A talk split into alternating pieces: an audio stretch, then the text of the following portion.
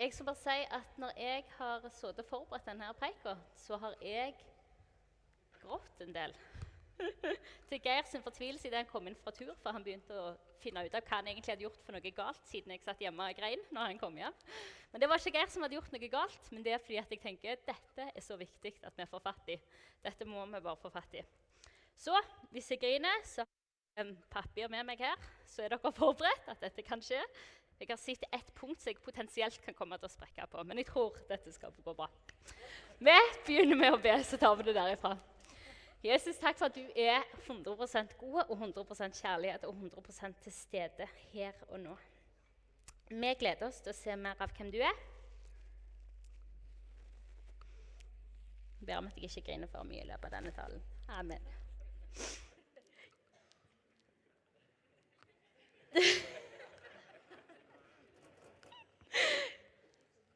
Gud elsker, og Gud elsker deg. Snu deg til Simon, og så sier du akkurat det. Gud elsker deg. Han eh, liker deg til og med, kan dere fortsette med. Og han bryr seg om hvordan du har det.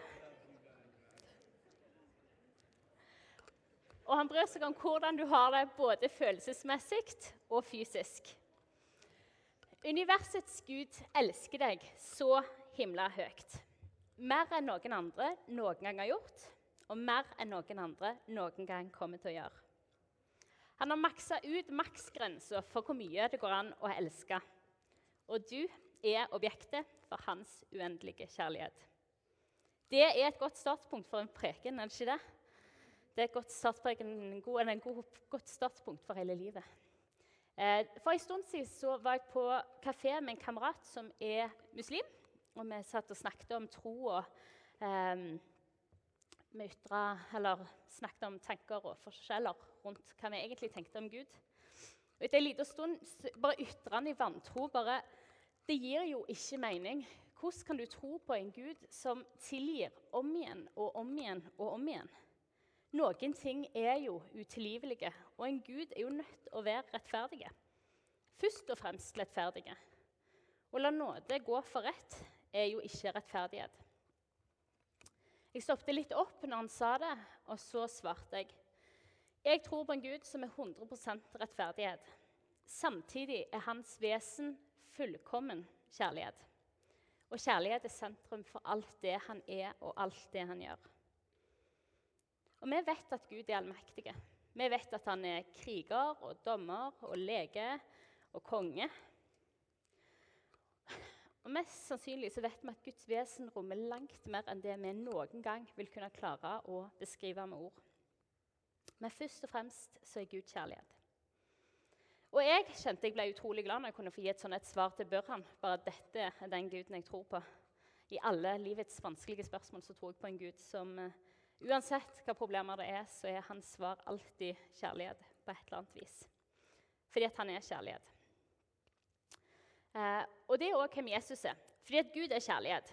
Og det er store ord, men det er òg sannheten på hvem han er. Og det er sannheten når vi òg snakker om helbredelse, for det er jo det som er temaet i dag. Um, pappa og Elling og kanskje noen andre har prata de siste ukene om at helbredelser viser oss at Gud er den som han virkelig sier han er. At Jesus var Guds sønn, at Jesus var den salva.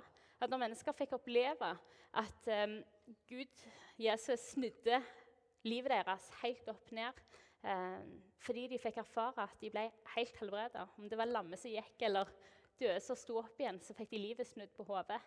Um, så fikk de, det fikk de til å undre over hvem denne mannen her faktisk var. Han var jo nødt til å være Gud hvis han kunne gjøre sånne ting som dette her er. Men ikke bare det. Og heldigvis kan helbredelser aldri reduseres til bare uttrykk for at Jesus var Guds sønn. For når Jesus helbreder, så er det òg alltid uttrykk for kjærlighet. Det er alltid konkrete uttrykk på Guds omsorg. Og dette demonstrerer Jesus stadig vekk. Jesus er i alle ting det synlige bildet på hvem Gud er. Vi vet at det mest konkrete uttrykket for dette her er Jesu død oppstandelse. Men det får oss ikke til å ignorere alle de tingene som skjedde før og etter dette. For det er enormt fascinerende å lese i evangelietekstene om hvordan Jesus lot seg bevege av menneskers nød og sorg og smerte. Det var et kjennetegn ved Jesus at han holdt seg rundt de som ingen andre ville holde seg rundt. Han så de som ingen ville se, og han fysisk berørte de som ingen andre ville berøre. Og hans kjærlighet er så himla radikal. Og denne radikale kjærligheten den ser vi i Jesus sin helbredende gjerning. Nå skal jeg lese et par bibeltekster. Jeg skal lese de litt sånn fortløpende, men jeg skal fortelle hvor jeg leser fra. Og så skal vi ta det derifra. Ta Bibelen hvis du har den med. Så skal vi snakke litt om de etterpå begynner med å lese fra Lukas 7, fra vers 11 til vers 15. Kort tid etter ga Jesus seg på vei til en by som heter Nain. Disiplene og en stor folkemengde dro sammen med ham. Da han nærmet seg byporten, ble en død båret ut til graven. Han var sin mors eneste sønn, og hun var enke. Sammen med henne kom et stort følge fra byen. Da Herren fikk se enken, fikk han inderlig medfølelse med henne og sa, 'Gråt ikke.' Så gikk han bort og la hånden på båren. De som bar den, stanset, og han sa, 'Du unge mann, jeg sier deg, stå opp.' Da satte den døde seg opp og begynte å tale, og Jesus ga ham til moren. Vi leser videre fra Markus kapittel 1, vers 40 til 42. En mann som var spedalsk, kom til ham, falt på kne og ba om hjelp. Om du vil, kan du gjøre meg ren. Jesus fikk inderlig medfølelse med ham, rakte ut hånden og rørte ved ham.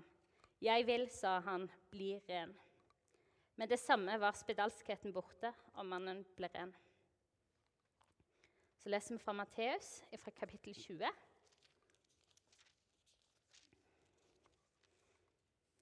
Fra vers 29 til 33. Da de dro ut av Jeriko, fulgte mye folk med ham. Ved veien satt to blinde, og da de fikk høre at Jesus gikk forbi, ropte de, Ha barmhjertighet med oss, Herre, du Davids sønn. Folk snakket strengt til dem og ba dem tie stille, men de ropte bare enda høyere. Ha barmhjertighet med oss, Herre, du Davids sønn. Da stanset Jesus, ba dem komme og spurte dem, Hva vil dere jeg skal gjøre for dere? De svarte, 'Herre, la øynene våre bli åpnet.' Jesus fikk inderlig medfølelse med dem, og han rørte veinene deres. Straks kunne de se, og de fulgte ham. Og Så leser vi til slutt fra Matteus 14, vers 13 og 14. Da Jesus fikk høre det, dro han derfra i båt over til et sted for å være alene. Men folk fikk greie på det, og fra byene fulgte de etter ham til fots. Da han nå gikk i land, fikk han se en stor folkemengde. Han fikk inderlig medfølelse med dem og helbredet de syke blant dem.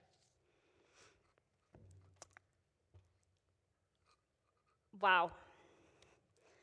Noe som jeg liker veldig godt når jeg leser disse tekstene, er at det ikke er Jesus sjøl som har satt seg ned for å skrive hva han tenkte eller hva han følte det er disiplene og folk som har vært rundt han i denne tida, som skriver det. Så det betyr ikke at Jesus setter seg ned og tenker jeg tenker at jeg har inderlig medfølelse med disse folka. Men det er så synlig at når de skal beskrive hva som har skjedd, for noe, så er de nødt til å sette ord på det og skrive det ned. Han hadde inderlig medfølelse med dem. Så tydelig er det. De merker denne inderlige medfølelsen som preger han, og som beveger han til handling. Beveger han til handling, Det skal dere høre meg si mange ganger. For Jesus nekter å stå og se på eh, smerten som folk kommer med. Han nekter å bare ignorere han. Han nekter å bare gå forbi han eller bare stå der. Han nekter å ikke gjøre noen ting. For Jesus lar sin barmhjertighet få et helt konkret uttrykk helbredelsen. Og alle disse tekstene som akkurat ble lest, forteller om Jesus som ser folks fysiske nød. Og han nekter å la de gå tomhendt ifra ham. I sin kjærlighet gir han de helbredelsen, og han forandrer livene deres for alltid. Tenk på de som kommer til han. Tenk på han som var spedalske. Altså, Ingen andre ville være rundt. Ingen ville ta i. Han som var nødt til å gå og rope 'urein, urein' foran seg sjøl dersom han gikk, for at ingen skulle komme borti han eller bli urein eller bli smitta av det som han bar på. Jesus bryr seg ikke om det. Han bryr seg ikke om det som de andre sier. Hva med disse her eh, blinde som sitter, som plutselig får syn igjen? Folk ber egentlig de om å være stille, men de roper bare enda høyere. Det liker jeg. Jeg liker at de ikke bryr seg om hva folk sier, for de vet hva de vil ha tak i. Så de roper bare enda høyere. Um, Jesus hører dem. Og Jesus lar den inderlige medfølelsen sin komme til uttrykk ved at han gir dem synet tilbake igjen. Og Sist, men ikke minst, hva med hun som hadde en sønn som var død? Hun hadde mista sin eneste sønn, og med det mista all trygghet. Ingen som kunne passe på henne. Hun hadde ikke mann eller barn igjen. Ingen til å ta vare på henne. Jesus ser nøden, og den radikale kjærligheten som han har, gjør at døden sjøl må gå. Sønnen får livet tilbake. Og jeg tror langt mer enn bare hans liv ble forandra. Henger dere med? Er det greit så langt? Bra. Takk. Jesus ble bevega av medfølelsen. Han så nøden, og han tok affære. Han ignorerte han ikke. Han lot han ikke være sånn som han var. Han lot ikke han være med et forsiktig klapp på skulderen og sa 'Stakkars deg, du må ha det vondt.' Og så gikk han videre. Han ble beveget til å endre situasjonen for disse menneskene, og jammen ble situasjonen snudd på hodet. For de spedalske, for de blinde for de døde. Livet ble snudd opp ned. Og ikke bare for de som det faktisk skjedde med, men for omgivelsene deres òg. Livet ble snudd opp ned. Fordi Guds kjærlighet snur ting på hodet, eller den plasserer ting tilbake sånn som det var egentlig tenkt å være. Møtet med Guds kjærlighet, Guds radikale kjærlighet, for den ikke bare trøster, den sprenger rammene for hva vi tenker at godhet kan være. Og jeg elsker dette med helbredelse. For den er så tydelig et eksempel på at Guds kjærlighet ikke er svevende ord, men det er konkret handling.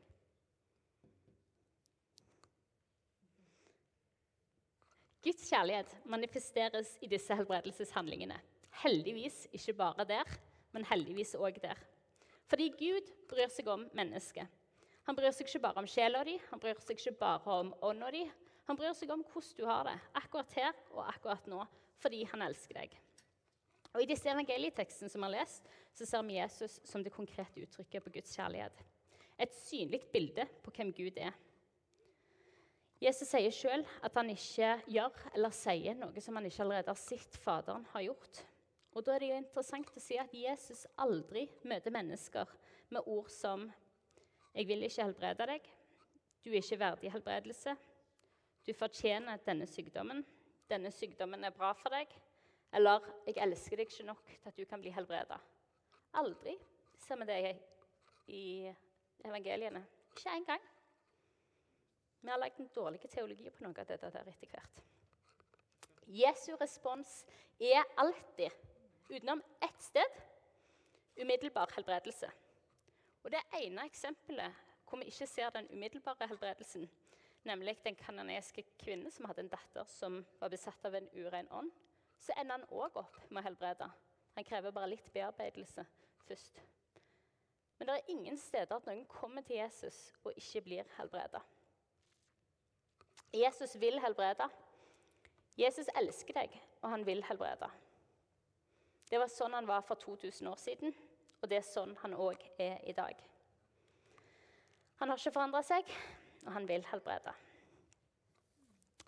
Så hva har dette med deg å gjøre? Enormt mye. For Jesus Jesus han har sagt at vi, hans kirke, hans disipler, vi er hans plan A. Og han har ingen plan B. Han har sendt oss ut på samme måte som han sjøl ble sendt ut. Til å gjøre de samme tingene som det han gjorde. Og Behovet for helbredelse har definitivt ikke blitt mindre. Mest sannsynlig hadde vi hatt en sånn generell håndsopprekning her, så hadde 99% av dere rekt opp hånda hvis dere skulle sagt om dere trengte helbredelse, eller om dere kjente noen som trengte en helbredelse. Eh, bønn for syke har ikke gått ut på dato. Guds kjærlighet for de som er syke, har ikke gått ut på dato. Men vi som er representanter nå for denne kjærligheten, vi må gjerne justere litt hvordan den kan få uttrykk. Denne barmhjertigheten som drev Jesus til å helbrede de syke. Denne kjærligheten som får øynene våre bort fra oss sjøl og til å se enkeltmenneskene rundt oss. Som gjerne får øynene våre vekk fra vår egen frykt eller usikkerhet eller manglende frimodighet. Eller, og ser til Han som faktisk helbreder. For saken er den at Helseproblemer og bekymringer rundt helse er en av de største problemstillingene vi møter. Folk møter. Det kan du bare se på tabloidavisene. Annenhver dag så står det jo bare et eller annet om nyeste kreftfaren eller et eller annet. Folk er bekymra for dette her. Hvis vi som kirke ønsker at folk skal bli kjent med Gud og hans kraft, så er det helt naturlig at bønn for syke er en naturlig del av kirka vår og alle kristnes liv. For det er det som er så fint med dette her med helbredelse, at Gud valgte ikke bare ut noen få til å gå og gjøre det. Jesus sendte ikke bare ut Peter og Johannes når de skulle ut og be for syke. Han sendte ut alle sammen. Alle sammen kunne gå ut og be for syke. Alle vi òg. Heldigvis er det ikke bare Elling og Gry og mamma som skal ut og be for syke. Alle sammen. Det er konge. Det kan fort bli eventyr. Det er helt naturlig at bønn for syke er en del av kirka og alle kristne sine liv. For Jesus elsker de syke i dag òg. Jeg er sikker på at Hadde Jesus vært i byen i dag, så hadde det ikke vært noen syke igjen i denne byen. Og vi er jo her, så egentlig så burde jo vi tatt affære for lenge siden. Vi burde tatt affære for lenge siden, burde vi ikke det? Vi er på vei til å ta affære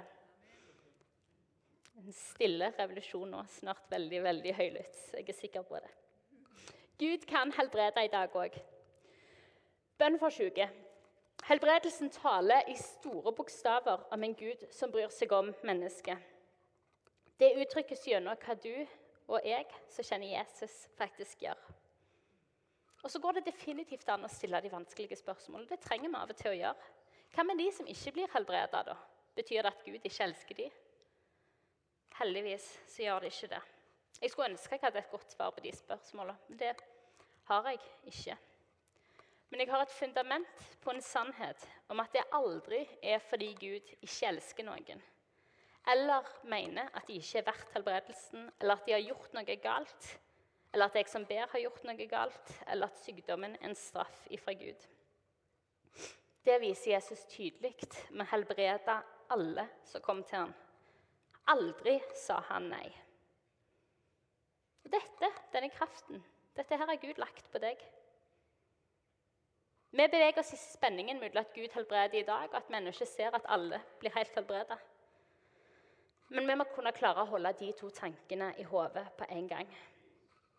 Ikke alle blir helbredet, men alle kan gå ifra og si at de har blitt bedt for med et møte med Guds kjærlighet. En opplevelse av at de har møtt eh, Guds kjærlighet uavhengig av helbredelsen. Fordi vi demonstrerer kjærligheten, fordi vi aldri legger skylda på dem fordi at de ikke har blitt helbredet. Og Samtidig så kan vi love oss sjøl å aldri la de dårlige erfaringene få lov til å skape teologien vår eller vårt bilde av Gud. Guds ord viser bildet vårt av Gud, og han helbreder alltid. Han sender oss ut for å be for syke, og det kan ikke vi slutte med. Jesus så sykdommen, og han nekta å ignorere den. Han nekta å bare klappe folk på skuldrene og si det var synd. Han nekta. Han gjorde noe med det. Uavhengig om de var etterfølgere av ham, om han kjente dem eller ikke. Han så dem, og han hadde omsorg for dem. Han hadde inderlig medfølelse med dem. Han lot Medlidenheten og omsorgen for folk driver han til å gjøre noe med det. Fordi han elsket. Og vi må stå og si. Det vil vi følge etter. Og vi nekter noe annet. Jeg liker det ordet. Vi nekter det. Nekter det. Vi er, på, vi er på lag med han som har vunnet. Vi har lov til å nekte noen ting. En setning som har fulgt mye hodet mitt i det siste, er dette er punktet mitt hvor jeg potensielt kan begynne å grine. bare så dere er forberedt. Kjenner det sitter litt løst. Geir har sagt han kan overtale hvis det bare brister for meg.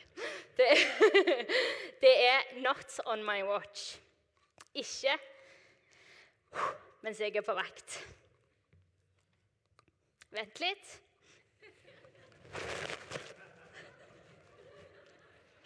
Jeg er tilbake igjen.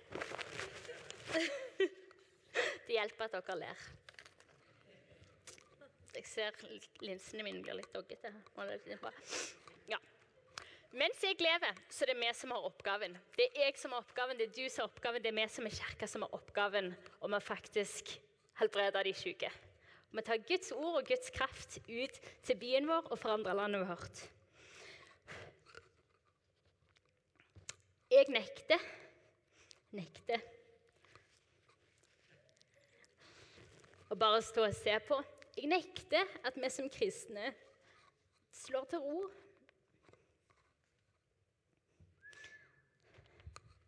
Slår oss til ro med å bare si 'det var dumt'. Det var dumt. Kom an. Vi vet på hva vi tror. Gud vil manifestere sin kjærlighet gjennom deg.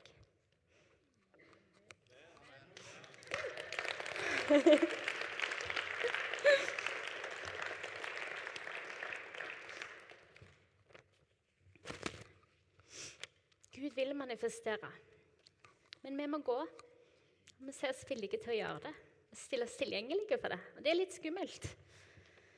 Det kan være litt utfordrende, men vi må nekte å la denne her manglende frimodigheten eller denne frykten gjøre at vi bare stiller oss i et hjørne og ikke ser. Fordi verden trenger det. Um, ikke le. um, verden trenger det. Denne her um, dama med ME som ikke kan leke med ungene sine hun trenger at vi er ute og ber for syke. Og han mannen som har kreft, han trenger det, at vi er ute og ber for syke.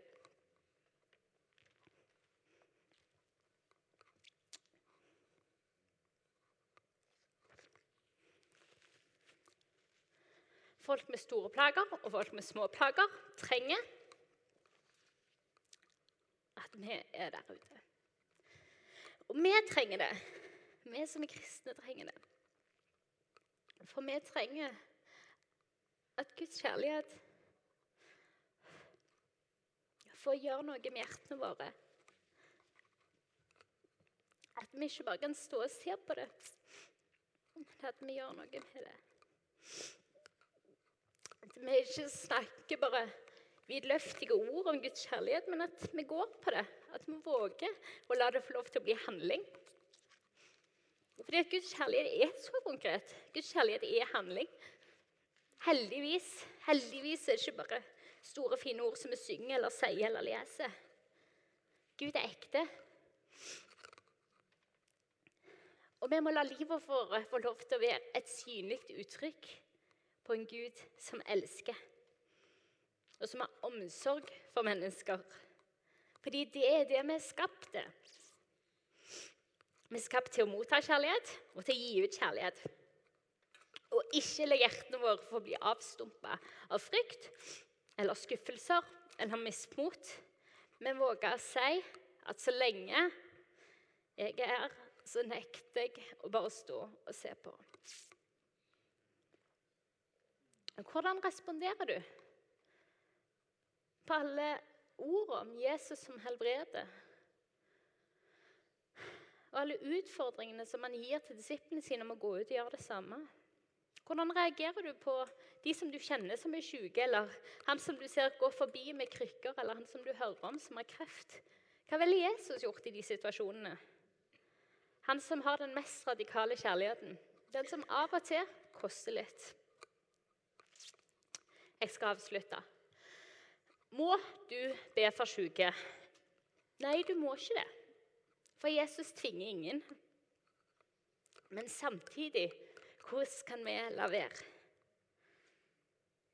Når vi ser de som er syke, og vi vet at i oss bor kraften som reiste Jesus fra de døde.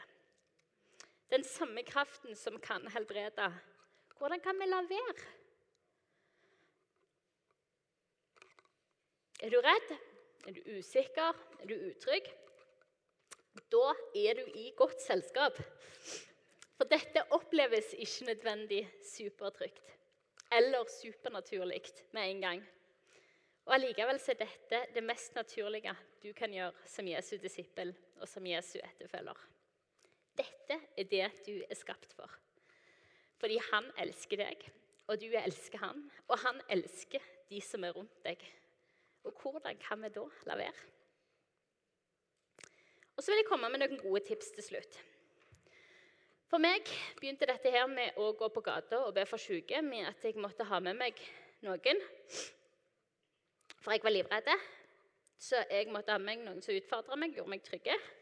Eller gjorde meg trygge, og Miriam Irene utfordra meg. Og derifra spente vi i gang. Men i dag så har vi flere muligheter. Du kan gå ut på egen hånd, og hvis du vil gjøre det, så er det fantastisk. Og Hvis du syns det er hakket utfordrende, så kan du være med oss som allerede er der. Vi har et helbredelsesrom her annenhver lørdag. Um, og bli med på det. For et privilegium det er å få være der. På den ene måten så er det så en ydmyk posisjon å være i, fordi at du ser alle de som kommer inn og trenger et mirakel.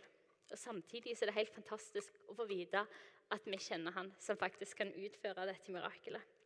Og Bare for å være tilgjengelig og be for syke. Det er en glede å få være der.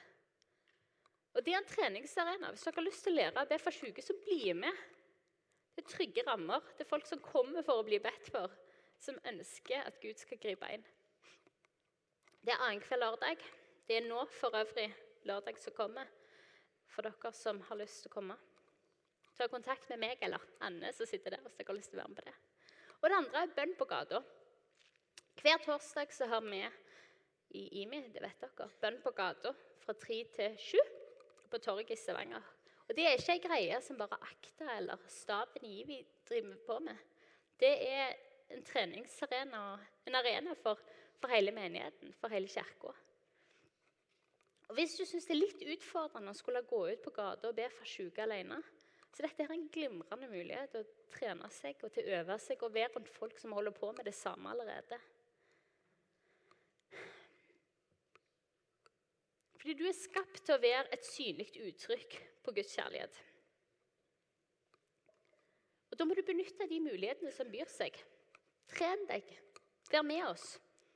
Ikke for å heldigvis, dette er drømmen min, at vi ikke nødvendigvis skal bare trenge At vi ikke trenger noe telt lenger på byen på torsdagene klokka sju. Fordi dette er en helt naturlig livsstil for alle kristne. At vi ikke trenger å ha denne faste posten. for Hvis jeg går i byen og ser en som halter rundt på krykker, så er det første jeg tenker jeg kjenner en som kan gjøre noe for denne mannen. Men før det blir den mest naturlige livsstilen vår, så er det godt for oss å ha treningsarenaer og Derav bruk de. Vær med på helbredelsesrommet, vær med på bønk på gata. Bruk cellegruppa di. Bruk det som du kan. Vær rundt de som utfordrer deg på dette. her. Og la det få lov til å bli en del av livet ditt.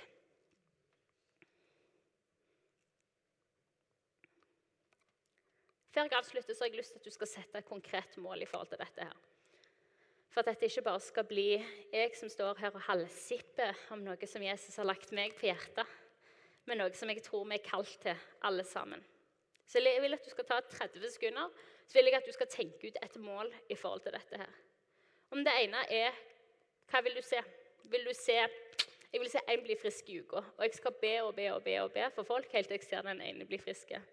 Eller sånn som en kamerat av meg gjorde, at han nekta seg sjøl å gå hjem om dagen før han hadde bedt for iallfall én som var sjuk. Eller kanskje målet ditt kan være at du, du ber for to som er, to som er syke i uka.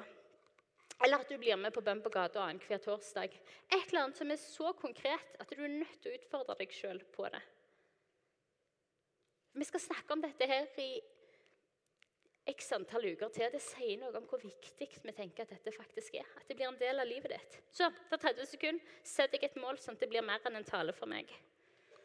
Skal jeg prøve å være stille.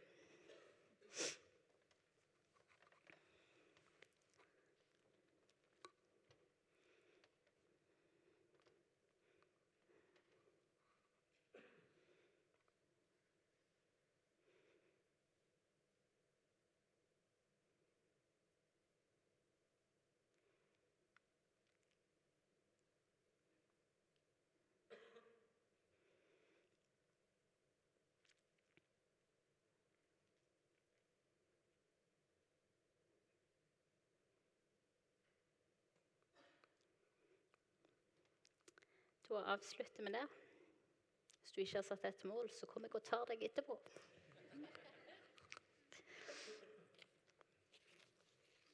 Vi skal avslutte med å be for hverandre. Akkurat den sesjonen skal Gry få lov til å lede. Um, for vi har lyst til at bønn for syke òg naturlig skal være en del av menighetslivet her. Og det er det jo allerede. Det er fantastisk. Um, men du er Guds synlige uttrykk for hans kjærlighet. Og det, det kan vi ikke ignorere. Jeg skal be til slutt. Jesus, jeg takker deg for at eh, du har en vanvittig omsorg med oss. Og at du nekter å se folk slite, Jesus. Du nekter bare å gå forbi. Jesus, jeg bare ber om at eh, det skal få lov til å farge hele hjertet vårt. Herre, at du eh, pumper ditt liv inn i våre hjerter, Herre, sånn at vi, vi kan ikke gå forbi Jesus. Vi er nødt til å stoppe opp for denne ene. Fordi det er det du vil. Herre, det er det vi er kalt til. Takk for at vi får lov til å være synlige uttrykk på din kjærlighet. Vi elsker deg, vi elsker å få tilhøre deg. Vi gleder oss til å se hva som ligger foran. Amen.